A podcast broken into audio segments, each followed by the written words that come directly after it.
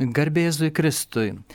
Esu Basasis Karmelitas, brolis Vydas Jonas ir čia esu Marijos radijoje. Ačiū už pakvietimą, mane pakvietė pakalbėti apie šventąją Teresę Avilietę, kurios jau artėja šventė mums karmelitams, sugrįžusiems į Lietuvą, basiesiems karmelitams. Esu iš Kauno vienuolyno, yra didelė šventė, nors Lietuvoje tik yra jos minėjimas. Taigi, taigi ką, ką, kaip galima ją pristatyti per tokį trumpą laiką, per vieną tokią trumpą valandėlę. Tai aišku, e, mes e, truputį apie jos gyvenimą, pakalbėsim apie jos biografiją, trumpai pristatysime jos e, raštus, na ir jos dvasingumą. Iš tikrųjų, dvasingumo istorija niekas neprašė mistinių reiškinių, kurie vyksta tarp žmogaus ir Dievo taip tiksliai ir gerai, kaip aprašė jos Jėzaus Teresė Avilietė. Ispanijos vienuolė e, gyvenusi XVI amžiuje. Galima sakyti, kad šventoji Teresė Vilietė yra vienintelė tokia mistikos istorijoje.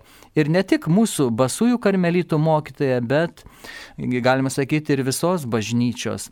Na ir aišku, neįmanoma per tą tokią valandėlę sukonspektuoti ir pateikti. Tiesiog e, reikėtų jau skaityti jos raštus tiesiogiai. Arba, kaip sakoma, gerti tiesiai iš šaltinio. Ir Lietuvoje mes turime jau jos pagrindinės keturis darbus išverstus į lietuvių kalbą. Tai yra Šventosios Teresės Avilietės gyvenimas, taip pat jos knyga Tobulumo kelias, apie jos vienuolynų steigimą, knyga vadinasi Vienuolynų steigimas ir, aišku, dvasinio, dvasingumo traktatas, galima sakyti, pats didžiausias, geriausias jos kūrinys, tai yra vidinė pilis, vidinės pilies buveinės. Taigi, Dabar gal porą žodžių, kas, kaip, kas jie yra, kaip, kaip, koks jos gyvenimas, biografiniai duomenys apie ją Šventoji Teresė mm, gimė 25 kovo 1515 metais Aviloje, Ispanijoje. Jos e, tėvas Alonso Sančes de Sepeda ir mama Beatriz Davila ir Aumada. Na, Teresė buvo iš dešimt vaikų pati jauniausiai ir, ir, vis, ir, ir kaip jinai pati rašo savo gyvenimo knygoje, kad tėvas labiausiai ją iš visų vaikų mylėjo. Ir iš tikrųjų nuo pat mažens e, pasižymėjo pamaldumu ir tokiu gerų mąstymu. Ir kai jau turėjo šešis metukus, jinai išmoko skaityti ir su broliuku dažnai skaitydavo, tais laikais buvo paplito e, šventųjų gyvenimai, Flios Sanctorum tokia knyga. Ir dabar jinai yra populiari, kur aprašo šventųjų biografijas ir su savo broliuku Rodrygu skaitydavo tas biografijas. Ir taip susižavėjo abu du broliukai, broliukas ir sesutė, kad kad sumanė e, laimėti dangų, pabėgti iš namų ir nukeliauti į Ispanijos pietus, kurie tuo metu priklausė arabams ir, ir buvo musulmonų kraštas, kad, nu, kad, ten, kad jiems ten arabai nukirstų galvas ir jie pakliūtų į dangų. Taip kaip sugalvojo, taip ir padarė. Susidėjo gal savo lauknešėlį nedidelį ir išbėgo iš namų bet laimiai nubėgo netoli, tik perėjo per miesto sieną ir ten per tokį tiltą perėjo ir juos ten sugavo dėdė, kuris jojo ir pamatė vaikus kažkur einant. Tai va toks buvo nuotykis, kaip jinai dar vaikas norėjo tapti, galima sakyti, kankinė su broliuku ir greičiau pakliūti į dangų. Na, tos svajonės šventosios Teresės kaip sako, neiš, neišdegė. Ir tada, kai grįžo su broliuku, jinai pati paskui prisimena, kad namuose žaisdavo visokius žaidimus, vienuolynus statydavo, atsiskyrėlių namelius ir brolis gyvendavo ten vienam namelį, jinai kitame. Tiesiog jau buvo tiesiog kažkaip šventosios dvasios vedama į tą nuo pat vaikystės, į tą tokią viziją, kurią jai teks gyvenime įgyvendinti. Na, Teresė, aišku, jinai buvo labai mm, išauklėta katalikiškai, krikščioniškai, nes jos tėvai melzdavosi namuose rožančių, aišku, ir eidavo į šventasias mišes ir, ir aišku, visi tie liaudės pamaldumai, kurie buvo labai gilus 16 amžiaus Ispanijoje, tiesiog įsigėrė į jaunos mergaitės širdį, į jos tą gyvenimą. Na, bet kai Šventoji Teresė turi 12 metų, jie atsitinka didelė nelaimė šeimai, jos mama miršta ir tėtis palieka vienas su dešimčia vaikų. Ir Teresė tada turi 12 metų. Ir tada jin labai pergyvena ir kadangi nebeturi mamos, jinai nueina į miesto bažnyčią ir, ir tenai tiesiog prie Marijos paveikslo, ir dabar tas paveikslas yra išlikęs, jis su ašaromis meldžia Mariją, kad būtų jos motina, jos globėja. Ir tikrai nuo to laiko tiesiog kažkoks stebuklas įvyksta, kad jinai visą laiką jaučia mergelės Marijos pastiprinimą, mergelės Marijos globą. Kai jau Teresė tampa 15-16 metų mergina, labai aišku, jos tėvai nebuvo iš pačių neturtingųjų, buvo jie kilmingi bajorai ir jie turėjo savo namą ir jinai mm, tiesiog gražiai rengėsi, mm, žiūri savo, nu tiesiog ateina jos paauglystė, taip kaip ir visiems visiem paaugliam ateina.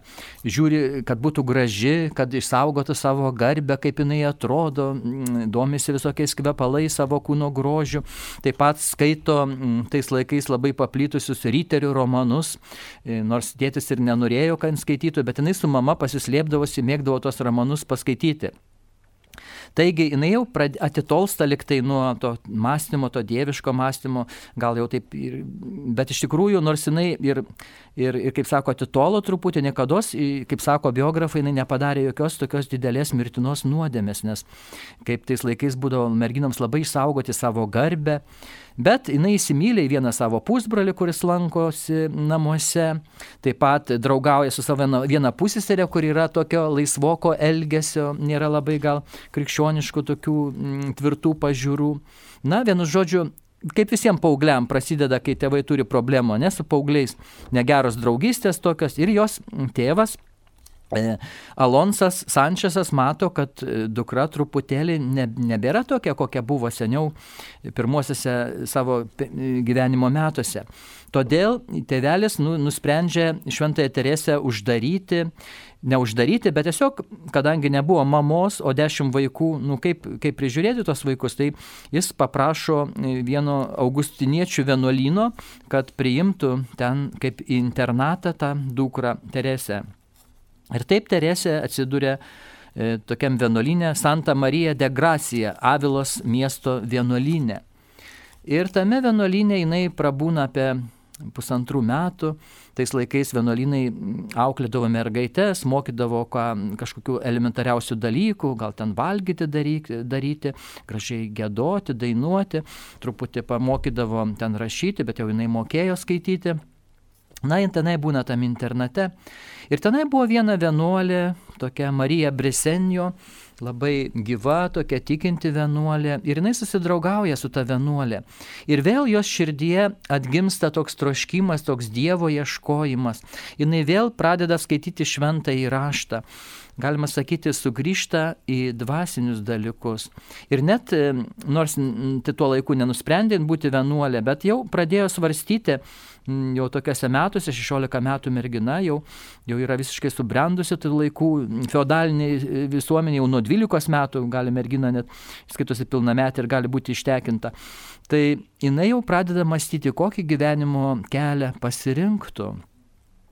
Bet e, tas vienuolynas jinai ilgai nepabuvo, po pusantrų metų jinai susirga tokia keistoka lyga ir, ir tada tėvai turi vėl ją pasimti iš to vienuolyno.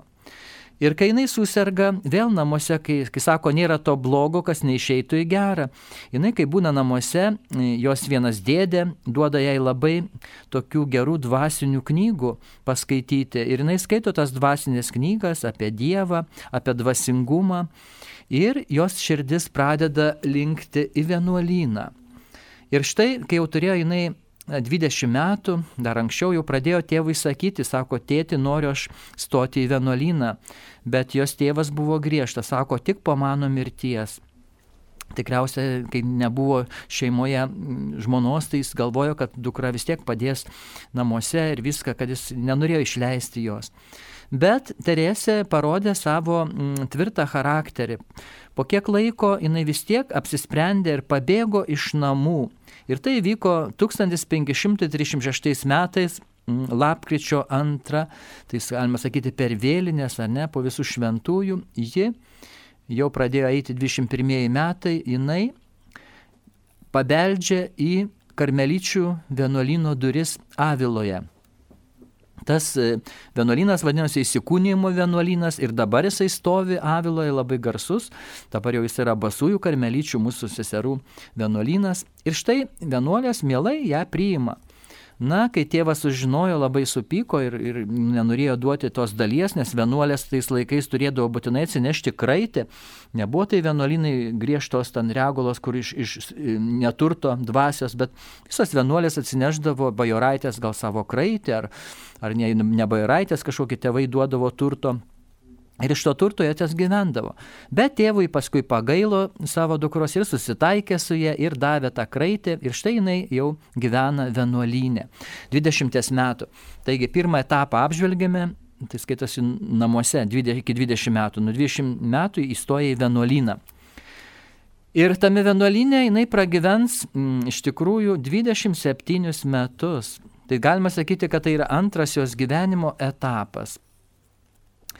Ir dar norime pasakyti, jau minėjau, kad prasidėjo sunki lyga ir ta lyga, galima sakyti, visą gyvenimą šventosios Teresės neapleido, o per paskutiniuosius gyvenimo metus 20 dar ta lyga labai pasunkėjo. Bet nežiūrint to, jinai atliko tokių darbų, dvasingumo istorijoje ir tiesiog Dievo garbė, Dievo karalystės skelbimui, kad tiesiog reikia stebėtis, gali būti, mm, sakyti, kad mum, kurie mes sergame ar turime kažkokių lygų, ar esame silpnos sveikatos, mm, tiesiog galime pasakyti tą frazę, kad Dievui nėra neįmanomų dalykų, jis gali mum ir mūsų silpnumuose padaryti mūsų apaštalais, tiesiog pavyzdžiais e, tame krikščioniškom gyvenimo kelyje.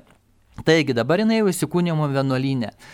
Ir vėl lygos prasideda ir po kiek laiko jinai turi išeiti iš vienuolino, tėvai ją pasiema, nes ir seseris rekomenduoja, jinai išvyksta pasigydyti pa, į tų laikų, kaip sakyt, pas tų laikų gydytojus. Ir mm, jinai išeina iš vienuolino. Ir vėl, kadangi, mm, kadangi išėjo ir vėl jai padėjo tos dvasinės knygos. Ir ypač jai padėjo vieno pranciškono Osūnos knyga, trečioje becelė, kur jinai skaito apie vidinę maldą, apie susikaupimą, apie vidinį gyvenimą. Ir jinai labai pradeda praktikuoti tą vidinę maldą. Dar, e, dar norėčiau paminėti, kad iš to vienuolino, kur išėjo, kad negalvokit, kad tai yra buvo vienuolinas labai ten griežta regula. Ne, tai buvo bajoraičių, tokių jau kilmingesniųjų vienuolinas, kuriame gyveno net iki gal 180, paskui net iki 200 vienuolių, kurios turtingosios turėdavo po gal po kelias celės, turėdavo tarnaitės, kitos neturtingos neturėjo mažesnės celės. Tai buvo toks susibūrimas, kur nebuvo tokios griežtos regulos, jeigu tu susirgdavai, galėdavai išeiti, tave priori galėdavo išleisti iškeliauti, kam nors padėti kokiem bajoram. E, Įeidavo ten ir, ir tie riteriai pasikalbėti su tom, e, pasikalbėjimo kambarį su seserimis.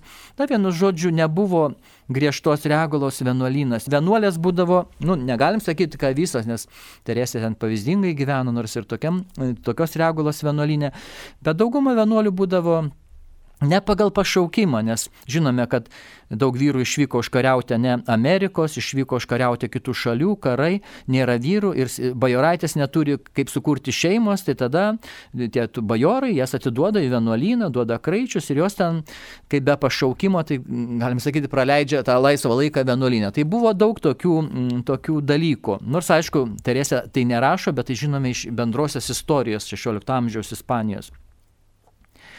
Ir štai jinai, kaip sakiau, išėjo iš vienuolino ir, ir, ir jinai vėl domisi tą dvasinę literatūrą, ypač ten skaitė ten žymiųjų tų vienuolių tų laikų knygas ir tai ją labai pasineria jinai į tokią maldą.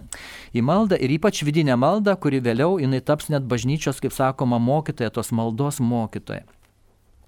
Bet dar vienas pastebėjimas. Jinai namuose nepasitaiso, nors nuvažiuoja ten į vieną kaimą, kur pas tokią, mm, pas tokią burtininkę, ne burtininkę, žiniuonę, tais laikais gydytojų gal tokių nebuvo, tai buvo tokia liaudės medicina, tokia žiniuonė, kur ją gydo ir visiškai ją nugydo. Jos tėtis galų galę ją parsiveža namo ir e, jinai tiesiog tiesiog suparaližuojama ir paskui visai netenka sąmonės ir atrodo, kad net mirusi. Ir taip buvo jinai mirusi per per žolinę, per ėmimo mergelės Marijos dangų šventę, jinai net trim dienoms m, tiesiog guli namuose, jinai yra m, kaip e, klinikinėje mirtyje.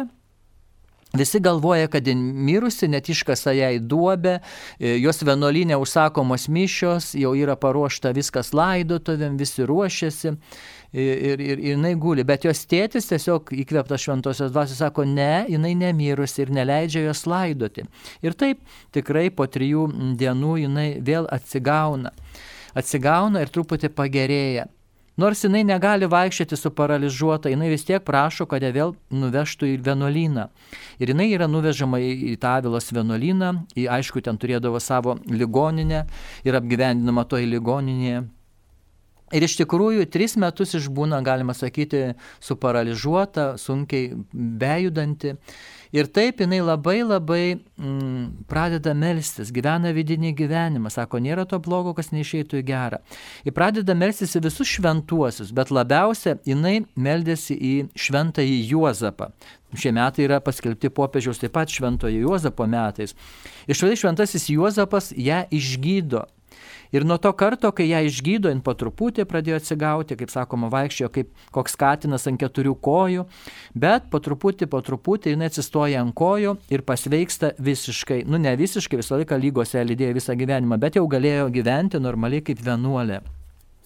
Ir todėl ateityje, kai kurs visus vienuolynus, beveik visi basųjų karmelitų vienuolynai turi šventojo Juozapo vardą. Aišku, yra kitų šventųjų mūsų, bet, bet pagrindas yra šventojo Juozapo. Pirmasis vienuolynas, kurį įkurs Aviloje naujas teresiškas, bus šventojo Juozapo vienuolynas. Na ir Ir jinai savo tame e, gyvena tame vienuolinė ir mato tas blogybės. Nėra klauzūros, kas nori išeina, maldos režimas nėra labai toks jau tvirtas. Ir jinai nori, nori pakeisti, jinai nori eiti giliau į gilius, tokius dvasinius gilius. Ir taip e, Dievas jai atsiunčia daug tokių vienuolių, jaunų, kurios irgi nori tokio gilesnio dvasinio gyvenimo nori uždaros tokios erdvės tom moterim, nori, kad ten būtų jau tikrai su pašaukimais, tos, kurios tikrai ateina dėl Dievo, o ne taip, kad įsigelbėti, kad neištekėjo arba įsigelbėti kažkaip tai pabėgti iš pasaulio kažkur tai. Mm, tai jos nutarė, tos mergaitės pačios e, pasiūlo Teresiai mm, steigti naują vienuolyną. Teresė iš pradžių nenorėjo, jinai gerai gyveno tame vienuolyne, turėjo didelę celę, ir viską, ir jinai buvo patenkinta 27 metus, bet jai pasirodo pats viešpas ir sako, kviečia ją, kad jinai e, kurtų tuos vienuolynus basųjų karmelitų. Ir štai m, mm, galima sakyti, kad e, pirmasis tokia jos veikla prasidėjo tada, kai, jinai, kai jai liko tik tai 20 gyvenimo metų. Tai jinai gyveno 69 metus, atrodo, ir taip, tai va paskutiniai 20 metų prasideda, kai jinai jau yra metuose. Ir 1562 metais jinai pradeda kurti pirmąjį vienuolyną. Aišku, čia nėra laiko, kaip tai buvo sunku, bet tas pirmasis vienuolynas tai yra kaip pavyzdys visiems kitiem vienuolynam, jį įkūrė Aviloje ir jis gauna šventojo Juozapo pavadinimą. Ir tenai yra duodamas abitas keturioms mergaitėms, kurios nėra tos naujokės turtingosios kažkokios bajoraitės su dideliais pinigais, visos vargšės neturtingos, kurios net neturėjo kraičio, bet kurios labai norėjo gyventi nuostabų evangelinį gyvenimą. Ir štai tas vienuolynas yra jau įkūriamas. Aišku, dar prieš tai jinai per savo vieną draugę, tokią bajoraitę, e, Donija Geomar, gauna popiežiaus Pijaus ketvirtojo leidimą e, steigti tą pirmą tokį reformuotą vienuolyną, tą šventoją Juozapo. Taip pat e, žinom, kad Teresė buvo tokia asmenybė, kad jin labai užkerėdavo visus žmonės savo kalba, savo nuširdumu, savo kalbėjimu, bendravimu su žmonėm. Nu, visi, visiems jin tikdavo prie kiekvienos širdies. Ir ją labai taip pat palankusiai buvo net Avilos viskupas Alvaro de Mendoza, kuris labai padėjo tam pirmajam vienuolino įsikūrimui ir paskiau kitų vienuolinų kūrimui. Ir taigi, Taigi 1562 metais 24 rūpiučio yra atidaromas tas vienuolynas, įvelkamos pirmosios tos vienuolės. Na, daugiau trumpai, aš čia negaliu visų išvardinti, tik pasakysiu pavadinimus, kur Ispanijoje yra tie įkurti vienuolynai ir visuose tuose miestuose tie vienuolynai įsilaiko. Dabartinėje Ispanijoje iki 20 amžiaus buvo tiek tų vienuolynų, vos ne kiekvienas didesnis miestas turėjo basųjų karmeličių vienuolyną. Bet kadangi dabar pašaukimus toka jau mažiau, tai Ispanijoje nebėra taip kiekvienam, jau kai kurie vienuolynai uždaromi. Bet visi, kuriuos įkūrė Šventoji Teresė, o jinai įkūrė 18 vienuolynų gyvai esant, visi jie įsilaiko. Tai aš, aš metų nesakysiu, tik pasakysiu miestus, kurie įkūrė 18 tų moterų vienuolynų. Taigi, pirmas Avila, Juozapo vienuolynas, paskui Medina del Campo, didelis priekybos centras buvo, Malagonas vienuolynas. Malagone, kas įdomiausia, kad Teresė pati pastatė tą vienuolyną su kunigaikštienės ten lėšomis ir pagalba statybininkais. Tai yra, galima sakyti, Teresės laikų pastatytas, suplanuotas vienuolynas Malagone. Man labai įdomus tas vienuolynas. Toliau Vajadolydė. E, Toledė, žymėjam Toledė, kuris buvo Ispanijos sostinė ilgus metus. Pastranoje, e, kurie taip pat įkūrė vienuolyną, Pastranoje gyveno ta tokia žymioji princesė Eboli, kuri labai labai pakenkė Teresė, bet Teresė visą laiką ją geruoju žodžiu minėjo. Salamankoje įkūrė, paskui Alba de Tormes, tenai Alba de Tormes jie ir mirstame vienuolynė paskui. E, Segovijoje įkūrė. Jeigu matote tą e, multfilmą apie Šreką, kai rodo pradžioje tas multfilmas, visi žino tikriausia, ir tenai rodo tą tokią pylį, tai va, to Segovijoje ta pilis yra paimta grinai iš Segovijos pilies kokia, ne? Tai netoli tos pilies, kuri matosi, tokia kaip pasako yra įkurtas irgi tenai seserų vienuolynas Segovijoje. Toliau Bese, Andalūzijoje įkūrė, paskui Sevilija. Sevilija buvo, galima sakyti, prekybos uostas Ispanijos, mm, iš kurios plaukdavo užkariauti Ameriką, ne, nes jie neturėjo uosto, Portugalai ten buvo žemės, tai Sevilija didžiulis miestas ten įkūrė. Karavakoje įkūrė, va, teisingai, kar, labai gaila, bet tas vienuolynas jau seseris paliko. Tai, tai va, čia matosi, kad mažėja pašaukimų karmelyčių Karavakoje, tik tai liko mūsų broliai, dar jie turi Karavakoje vienuolyną, bet jau seseris ten pašaukimų sumažėjo ir pačioje Ispanijoje. Togiau įkūrė Viljanueva Delehara, e, Palencijoje įkūrė ir paskutinį Sorija ir Burgos. Tai jau paskutinį vienuolinį savo gyvenime įkūrė Burgos mieste kur aš irgi mokiausi ir ten lankiau tas seseris ir dabar veikia tas vienuolynas. Tikrai nuostabus tas vienuolynas ir ta bendruomenė. Taigi, gyvai Teresė įkurta 18 moterų vienuolynui, bet dar naujovė, kad šita moteris, šventoji Teresė, buvo to ypatinga.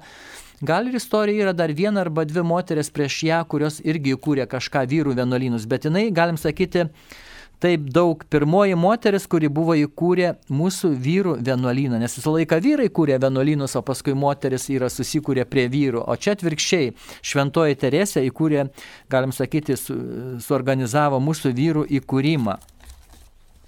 Na ir e, aišku, aš čia irgi turiu tuos visus vardus tų vienuolynų, bet aš jau jų čia nesakysiu, bet 14 mūsų vienuolynų. Tik noriu pasakyti, kad jinai sutiko jauną karmelitą, tai šventąjį kryžiaus Joną.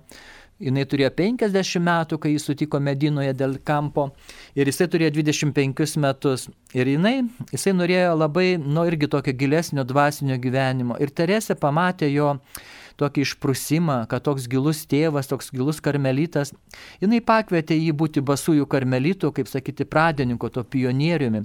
Ir kryžiaus Jonas sutiko, jeigu labai greitai. Ir taip jisai m, mm, tapo, galima sakyti, kad šventoji Teresė yra mūsų karmelitų basųjų motina, o mūsų tėvas yra šventasis kryžiaus Jonas tai jie, galima sakyti, ir formavo tą vienuolyną. Vat paimsiu vieną knygą, biški paskaitysiu truputį. Biški čia nelabai gal toks lietuviškas žodis, žemaitiškai mes ten kalbam biški sakom, bet taip trupučiuką paskaitysiu, ką jinai rašo e, vienuolynų steigimuose, man atrodo. Mhm. Ir jinai rašo, a, kaip jinai susipažino kryžiaus Jonu ir kaip jinai mokė. Nors jinai yra moteris, bet jinai moko kryžiaus Joną. Paskaitysiu iš šios vienuolynų steigimo. Sako Teresė.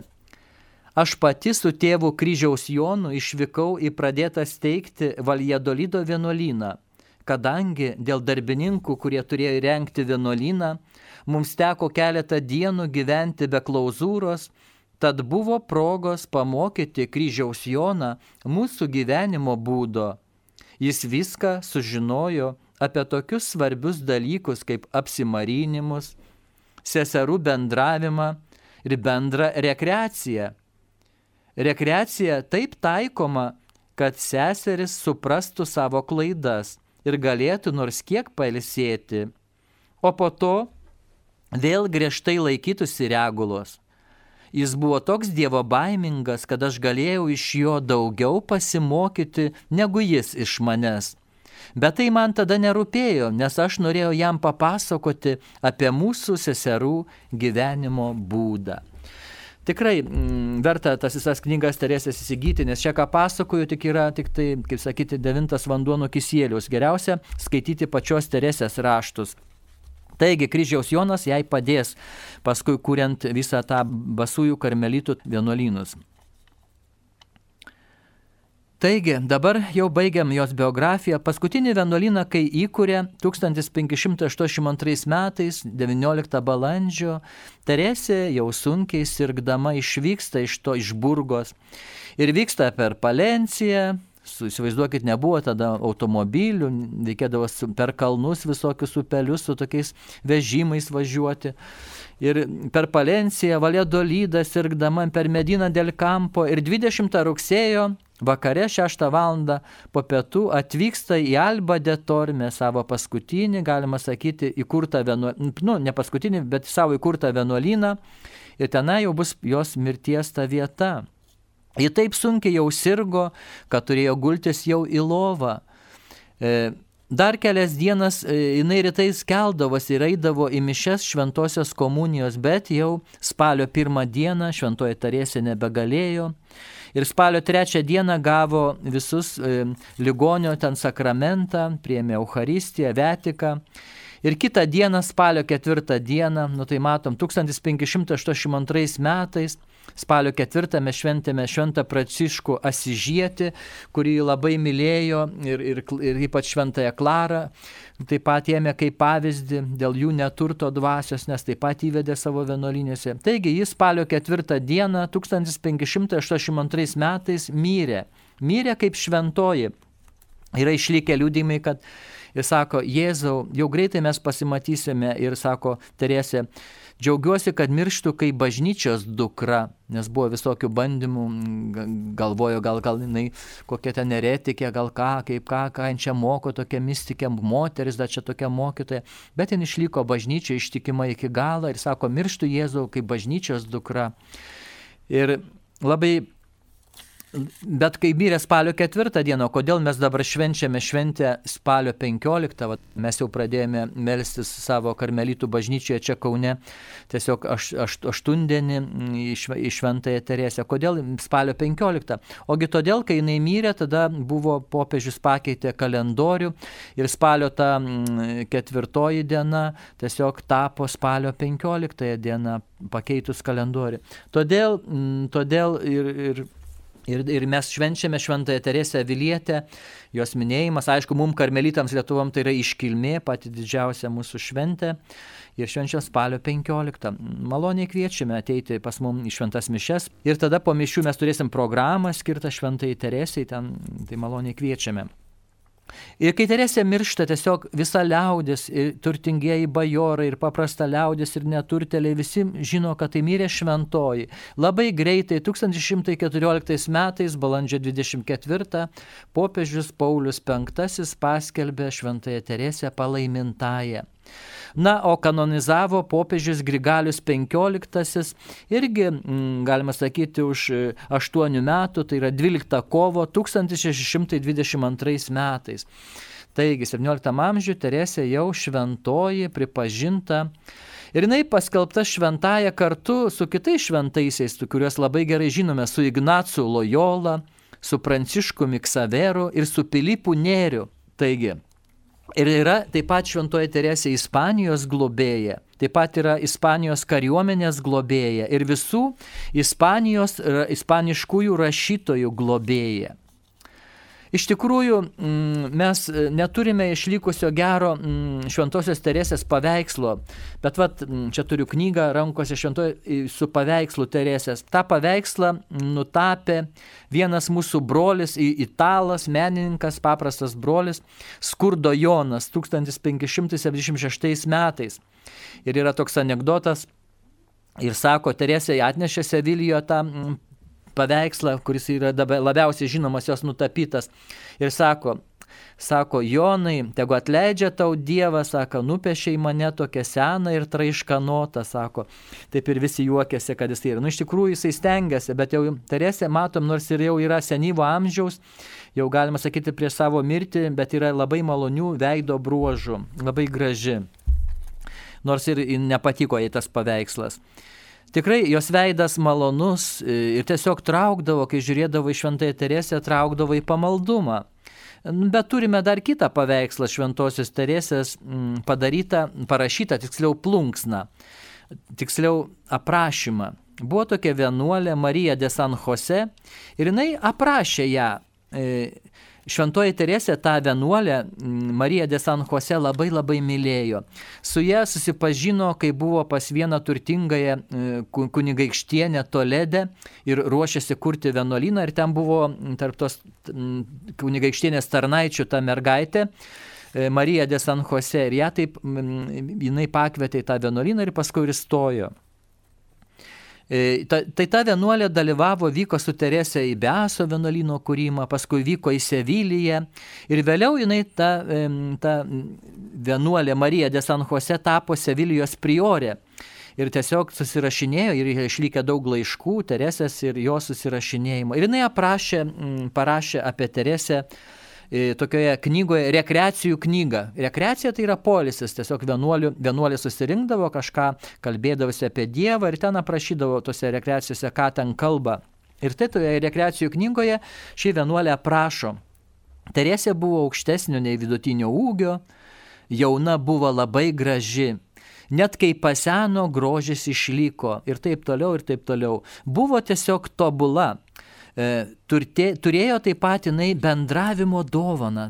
Tiesiog mokėjo bendrauti su visokio, e, visokio sluoksnių žmonėmis, o nuo karaliaus iki pačio žemiausio vargšo.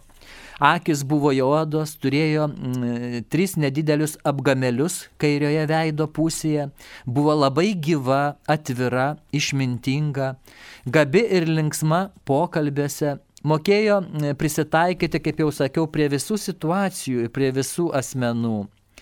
Tikrai buvo tokia garbinga, labai nuoširdi ir ypač dėkinga visiems jinai net mokindavo savo vienuolės, jeigu jum atneša ten padovanoja vieną žuvį, sako, ir štai turite labiausiai, labiausiai dėkoti tam žmogui. Tiesiog jim buvo labai nuoširdį ir dėkinga visiems. Labai mokėjo su visais draugauti ir ne tai, kad tam tarpui padraugauti, kad kažką tai gauti, bet išliktavo draugais vis, visiems visam laikui. Ir dabartiniai autoriai pažymi, kad Teresės psichologija yra ir buvo ir yra labai turtinga. Neįmanoma tiesiog jos čia papasakoti. Na aišku, per tokį trumpą laiką, va čia kiek aš papasakoju per tą 20 minučių, Tiesiog neįmanoma, tai geriausia sakau skaityti jos e, tas knygas, kurias bandysiu dabar truputį pakalbėti apie jos raštus, nes Teresė atsiskleidžia kur? Jis atsiskleidžia savo raštuose, kuriuose atskleidžia tą Dievo patirtį, tą mistinę patirtį. Jis sako, Dievas yra ir aš jį patyriau. Ir kaip aš jį patyriau. Jinai turės, Teresė savo raštuose m, mm, turi dovaną, atskleidžia, kad ne tik jinai gauna Dievo dovanas, bet viešpačiai suteikia malonę jas aprašyti. Tai yra labai svarbu, nes yra daug mystikių, kad mes žinom ir šventoji Gertrūda, ar ten šventasis Bernardas Klervietis, arba dar kiti, yra daug tų mystikų, mystikų ar ne mystikų moterų, bet jie neturėjo tokios dovanos taip aiškiai aprašyti ir paaiškinti kaip Teresė. Toliau, e, jinai tą literatūrą, aišku, Dievas ją įkvėpė, bet jinai turėjo, e, kadangi skaitė tuos ryterių romanus, tuos meilės romanus, kai buvo jauna ar ne, ta visa literatūra jai kaip, kaip rašytoja irgi suformavo, nes tie romanai buvo tų laikų, galima sakyti, populiarūs, kai mes dabar žiūrime tuos serialus, tos muilo operas, ne, tai tada tie romanai buvo kaip tos muilo operos. Ir jinai juos skaitydavo, bet jinai išmoko ten, kaip reikia parašyti, kaip įvadas, kaip pabaiga, kaip viską. Jinai pati net su savo broliuku parašė vieną e, romaną apie ryterių gyvenimą, apie meilę ryterišką tarp, tarp, tarp ryterių jo mylimosios. Ir abu su broliuku parašė tą romaną. Ir sako, visi perskaitė ir visiems patiko. Bet kai paskui atsivertė vienuolinai, tą romaną sunaikino ir jis neišliko, bet mm, jos broliukas, brolis tas Rodrygėse sako, kad jie parašė. Taigi, Iš kur jinai ėmė tą jėgų? Taigi jinai susiformavo iš tų jau literatūros skaitė, mokėjo skaityti, tai irgi jau turi tų tokių jėgų rašyti tos savo raštus. Toliau, kokie dar informaciniai šaltiniai? Teresiai Dievas tiesiog, tiesiogiai daug tiesiai ją preikždavo. Kai pavyzdžiui, inkvizicija uždraudė visas knygas, viešpasiai pasirodė ir pasakė, aš būsiu tavo gyvoji knyga. Ir ne viską gaudavo tiesiogiai iš viešpatės, ką rašydavo. E, Teresė nieko nerašo iš, kaip sakyti, iš tokio spekuliavimo. Tokie mes teologai mėgstame spekuliuoti, kaip ten terejybė kokia yra, spekuliuojame iš to ir ano, ką pasakė, aišku, žiūrime šventą raštą, bet paskui dar spekuliuojam naudojamasi šventuoju raštu ir kad būtų logiška, ar ne. Teresė rašo viską, jinai neturi jokio teologinių tokių pagrindų, rašo iš savo patirties tai tiesiog pakeri.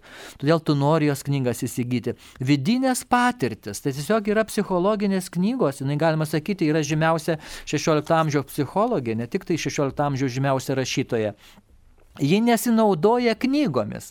Mes, kai rašome dabar savo kokį doktoratą arba savo bakalaurinį, kiek mes cituojame visokius šaltinius, knygos, kuo daugiau tų knygų, tuo geriau. O jinai visai ne. Aišku, jinai skaitydavo tas knygas, bet netiek jau ir daug, kaip žiūrime jos istoriją.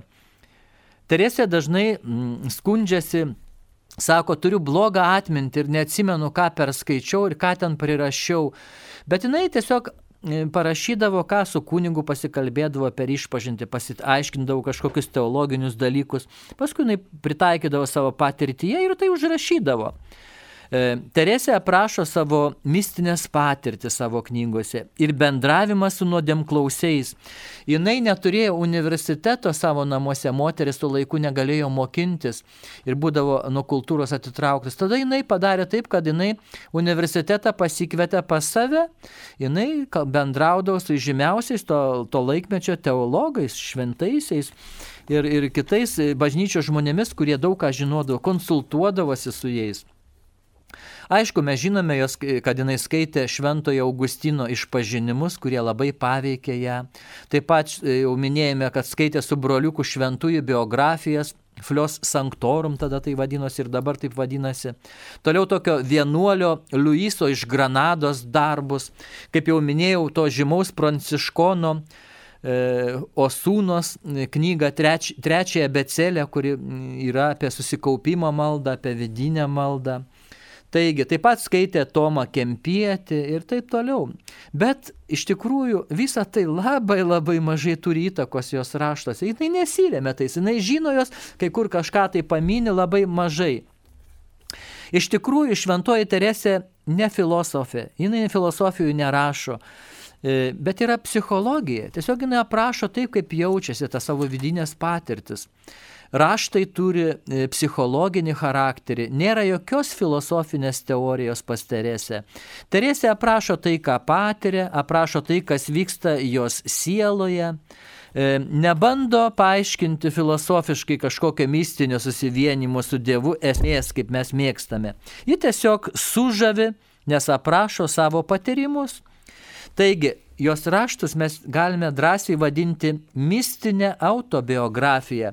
Tai tos keturios knygos, kur pradžiau paminėjau gyvenimas, vienuolynų steigimas, vidinė pilis arba buveinės ir tobulumo kelias. Yra dar daugiau juos rašto, paskui pristatysiu, jeigu spėsiu.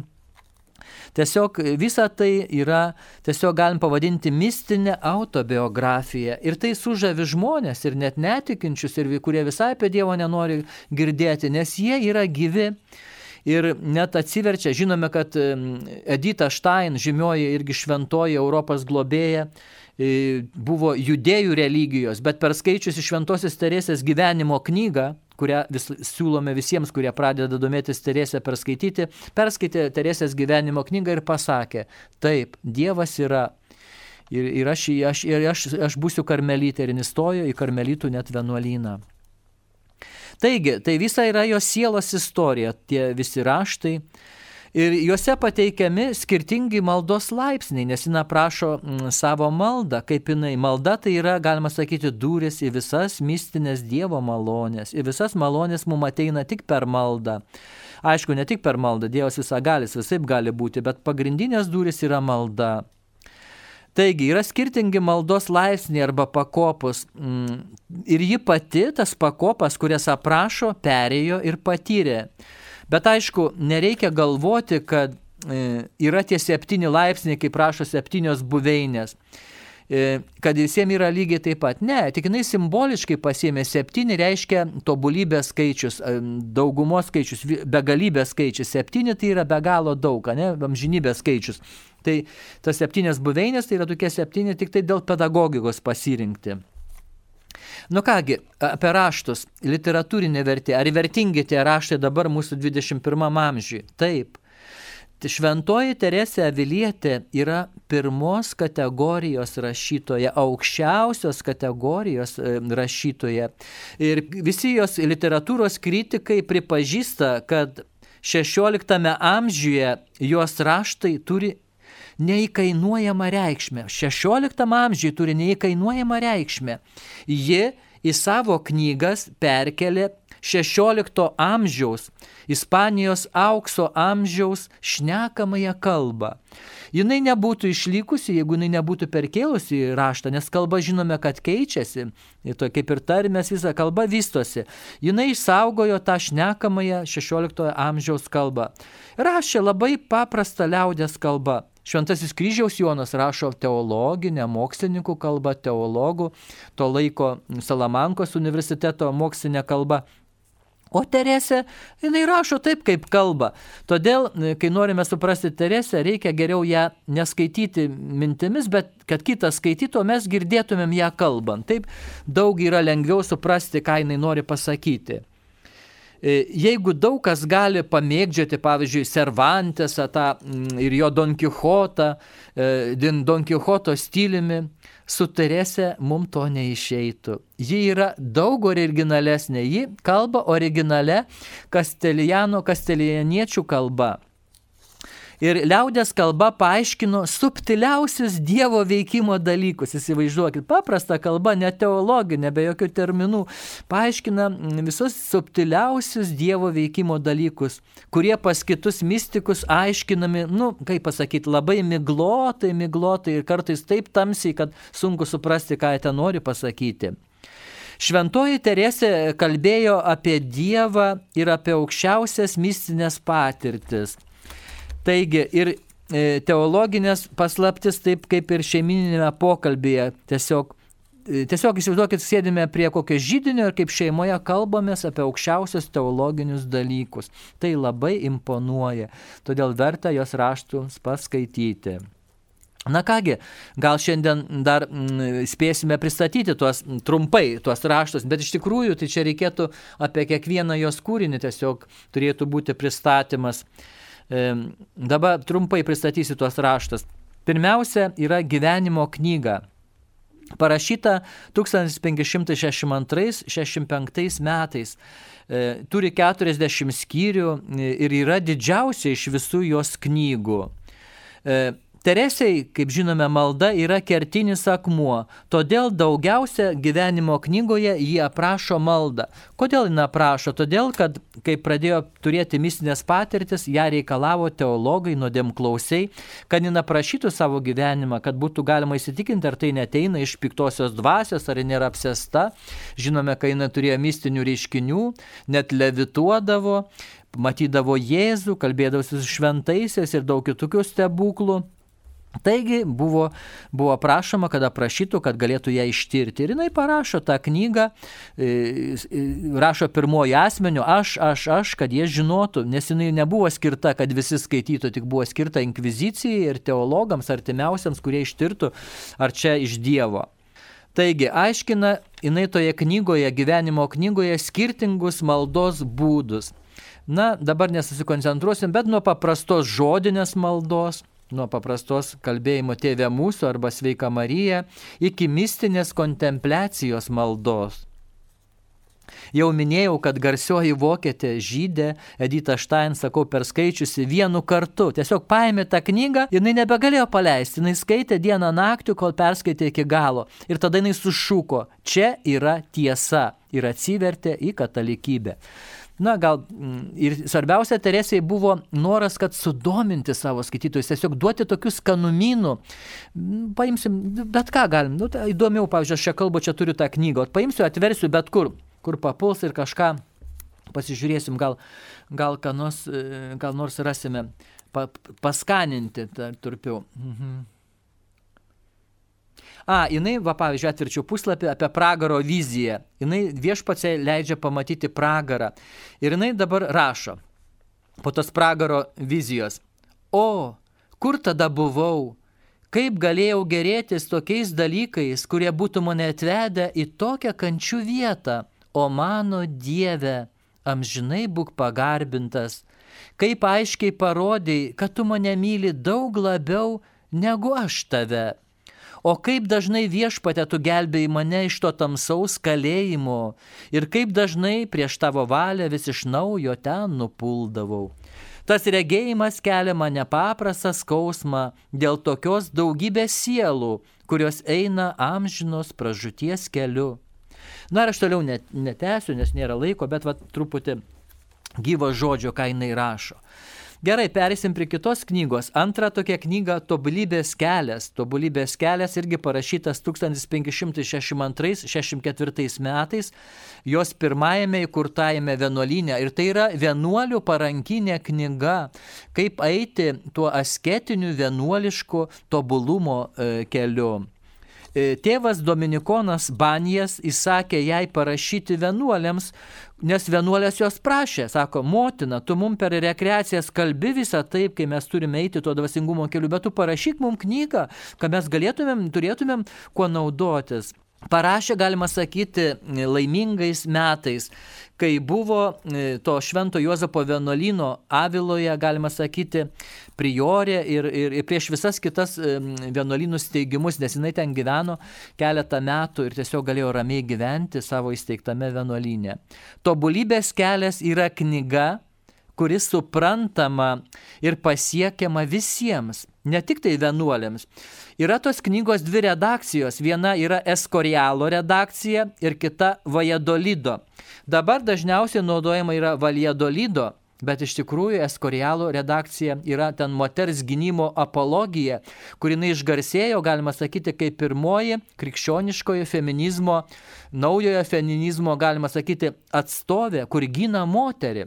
Bet ne taip gina moterį, kaip dabar karingasis e, feminizmas, kuris naudoja kaip tos kunigaikštienės princesės eboli metodiką. Ne, tai nebuvo kunigaikštienės eboli karingasis e, tas feminizmas, bet tai buvo tikras naujasis krikščioniškas, galima sakyti, kad šventoji Teresė yra pirmoji krikščioniškoji, e, katalikiškoji feministė, kuri gynė moteris. Ir todėl Eskorialo tas rankšlasis buvo išbraukytas ir tik tai po šimtmečio su įvairiom technikomis ta garsiojo apologijų moterų gynimo buvo atstatyta.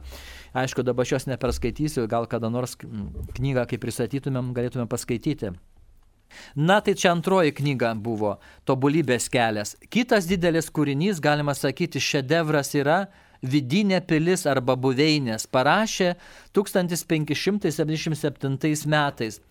Tai yra Teresės tiesiog darbo viršūnė. Visą savo mistiką jin aprašė jau nebe pirmo asmenio aš, bet parašė kaip apie kitą žmogų. Nes taip įsakė jai nuodėm klausiai, kad nebūtų problemų su, su inkvizicija ir kad jos ten galėjo, tais laikais būdavo net ir eretikai deginami arba kaip, arba tiesiog atskiriami nuo bažnyčios, kad geriau rašyti trečiojo asmeniu. Parašė būdama 62 metų, buvo jau labai aukštame dvasinėme lygyje su viešpačiu susivienijusi. Pradėjo e, Toledę vienuolinę, padarė pertrauką penkių mėnesių ir pabaigė Aviloje. Tai, taigi, jin parašė per du mėnesius. Pabandykit parašyti aukščiausio lygio dvasinį darbą kuri yra per du mėnesius. Tai vadinasi, kad tikrai jos ranką vedžioja ta šventoji dvasia, nors sako, tik šventasis raštas turi ne, neklystamą šventosios dvasios įkvėpimą. Bet šventoji Teresė irgi turėjo tiesiog šventosios dvasios pagalbą. Ne veltui yra vaizduojamas ikona, kaip balandis ir Teresė rašo su plunksna. Ne? Tiesiog tikrai tas kūrinys, kas daugelis kas skaito ir net netikintis atsiverčia, ieško maldos gyvenimo, ieško ryšio su Dievu, paskaitę vidinę pylį arba buveinės. Taigi, jinai sirgo, daug sirgo, daug reikalų tvarkė vienuolino, buvo pati audringame epochoje, karmelitai buvo persiekėjami ir jinai per du mėnesius parašo tą darbą. Ir parašyti knygą įsakė tėvas Dievo motinos Gracianas geriausias karmelitas, irgi Teresės draugas, kuris irgi kūrė vyriškąją šaką mūsų ordino. Tai galima sakyti, buvo dešinioji Teresės ranka reformoje, tas Gracianas. Dažniausiai rašė mm, jinai po komunijos arba po maldos. Visą laiką jinai prieš rašant Teresę pasibelsdavo arba priemus komuniją rašydavo. Yra liūdėjimai seserų, rašė labai greitai, kai ją Dievas įkvėpdavo ir jos veidas tiesiog spindėdavo dieviškų grožių. Teresė buvo paskendusi rašyme, net, net triukšmas jos netrukdydavo, galėtų būti bet koks triukšmas, bet jeigu rašydavo, jinai nieko negirdėdavo. E, dar tokia, mm, e, tai liūdija tokia vienuolė Marija dėl Nasimento ir taip pat Marija de San Francisco, tai liūdija jos mm, paskelbimo šventąją aktuose. Tikrai knyga yra užbaigtas mokslas apie maldos gyvenimą. Tikrai nuostabi knyga. Kol dar yra mm, knyginuose, prašom įsigyti, ypač karmelitai pasauliečiai Lietuvos, kurie dar neturite, nes tai tikrai knyga nuostabi. Ta maldos pakopos e, šventoji aprašo taip, kaip dar niekas nebuvo aprašęs ir dar ir dabar dar niekas neaplenkė, dar nėra Teresė aplenkta pasaulyje mystikos. Esmė tos knygos. Teresė pateikia krikščionio gyvenimą kaip vidinį žmogaus procesą, kuriame žmogus intimiai susivienyje su Dievu savo vidinėje buveinėje. Septintojoje buveinėje yra visiškas susivienimas Dievas, transformuojamas, pakeičiamas, sudėvinamas, bet jis įsaugo savo asmenybę, nėra nuosmenėjimas. Na ir kita knyga yra tai galima sakyti, jos apaštalų darbai vadinami vienuolynų steigimas. Irgi liepia jai e, kunigai parašyti, kaip jin steigia. Pradeda nuo Medinos ir užbaigia Burgos vienuolyno. O pirmojo vienuolyno Juozapai naprašo savo gyvenimo knygoje, kaip žinome. Rankraštis saugomas yra Eskorijalė ir visoje Ispanijoje yra labai gerbiamas pas, centrinėje Ispanijos bibliotekoje. Tai yra istorinė knyga, bet yra ir Teresės dvasinių mokymų nemažai toje knygoje. Ypač pasižymi vienuolino steigimo ketvirtas ir aštuntas skyriai, kur moko vienuolynų vyresnėsias, tai yra priorės, kaip reikia valdyti vienuolynus. Ir yra daug įdomių dvasinių punktų. E, ypač įdomu, kur kalba apie vienuolės, kurios serga melancholija. Nu, dabar sakytumėm neurostenija. E, čia matome, kad Teresė yra gili psichologė. Ji patarė, kaip e, padėti tokioms ligonėms. Na ir yra daugiau mažesnėji darbai, bet aš jau šiandieną jų nepristatinėsiu, nes jau nebetilpčiau į laiką, kurį man davė, sakė viena pamokėlė tos katechezės. Tai tik tai pasakysiu pavadinimus. Jinai parašė Dievo meilės savokos arba e, meditacijos arba apie giesmių giesmę. Čia reikėtų kalbėti. Toliau parašė tokie po komunijos, jinai tokį dienoraštį rašė, vadinasi, eksklamacionės. Tai yra sušūkimai atodusiai. Po mišių, po šventosios komunijos įmintis aprašydavo. Toliau parašė sąžinės apskaitas, nes juos nuodėmklosiai regalaudavo, tirdavo ją. E, toliau dar parašė, e, prašant karmelitų, mes karmelitai prašėm tėvai, prašė, kaip aplankyti moterų vienuolynus, parašė knygutę, kaip lankyti e, basųjų karmeličių vienuolynus. Paskui jin pati parašė Aviloje konstitucijas vienuolynų kurios buvo išpausdintos pati pirmoji spausdintinė knyga, parašė nemažai, nemažai poezijų, bet aš jau nebegaliu, ir laiškų. Laiškų jinai parašė iš viso manoma apie 15 tūkstančių. Tai įsivaizduokit, jeigu dabar prie kompiuterio būtų, tai Teresė tikriausiai nenaitų nuo kompiuterio, tik laiškus rašinėtų. Su ranka, para, kiekvieną dieną turėjo parašyti po du laiškus gal. Aš nežinau, 15 tūkstančių, bet išliko nedaugiau kaip 441 laiškas. Ir kai kurie fragmentai be konkrečios datos, nes kai mirė, pradėjo visi plėšyti tos laiškus, kaip relikvijas dalintis, taip ir išdingo. Na va, tai va tiek Norėčiau dar pakalbėti apie tas kitus kūrinius, bet ar Teresės dvasingumo mokymą, bet jau šiandien tai reikės tuo tikriausiai pabaigti. Ir todėl mm, kviečiu visus klausytojus Marijos radio melstis mm, į viešpatį Jėzų Kristų, į Šventąją Teresę, nes jinai norėjo, kad labiausiai būtų garbinamas ir šlovinamas viešpats Dievas Jėzus Kristus. Jinai nenorėjo save pritraukti dėmesio, kad mes netaptume taip, kitas iki yra šventųjų kultas taip, kad šventasis kalbam, kalbam, o iš tikrųjų jinai svarbiausia buvo, tai yra Jėzus Kristus, mūsų gelbėtojas ir viešpats. Ką mum per Teresės tą mokymą, per tas knygas mes labiau priartėtumėm prie Jėzaus Kristaus, kur yra mūsų viešpats ir gelbėtojas. Na kągi, tada šiandien katechezę baigiame. Esu Basasis Karmelitas, brolis Vydas Jonas. Sudiev visiems ir iki kito malonaus karto, mėly klausytojai. Sudie.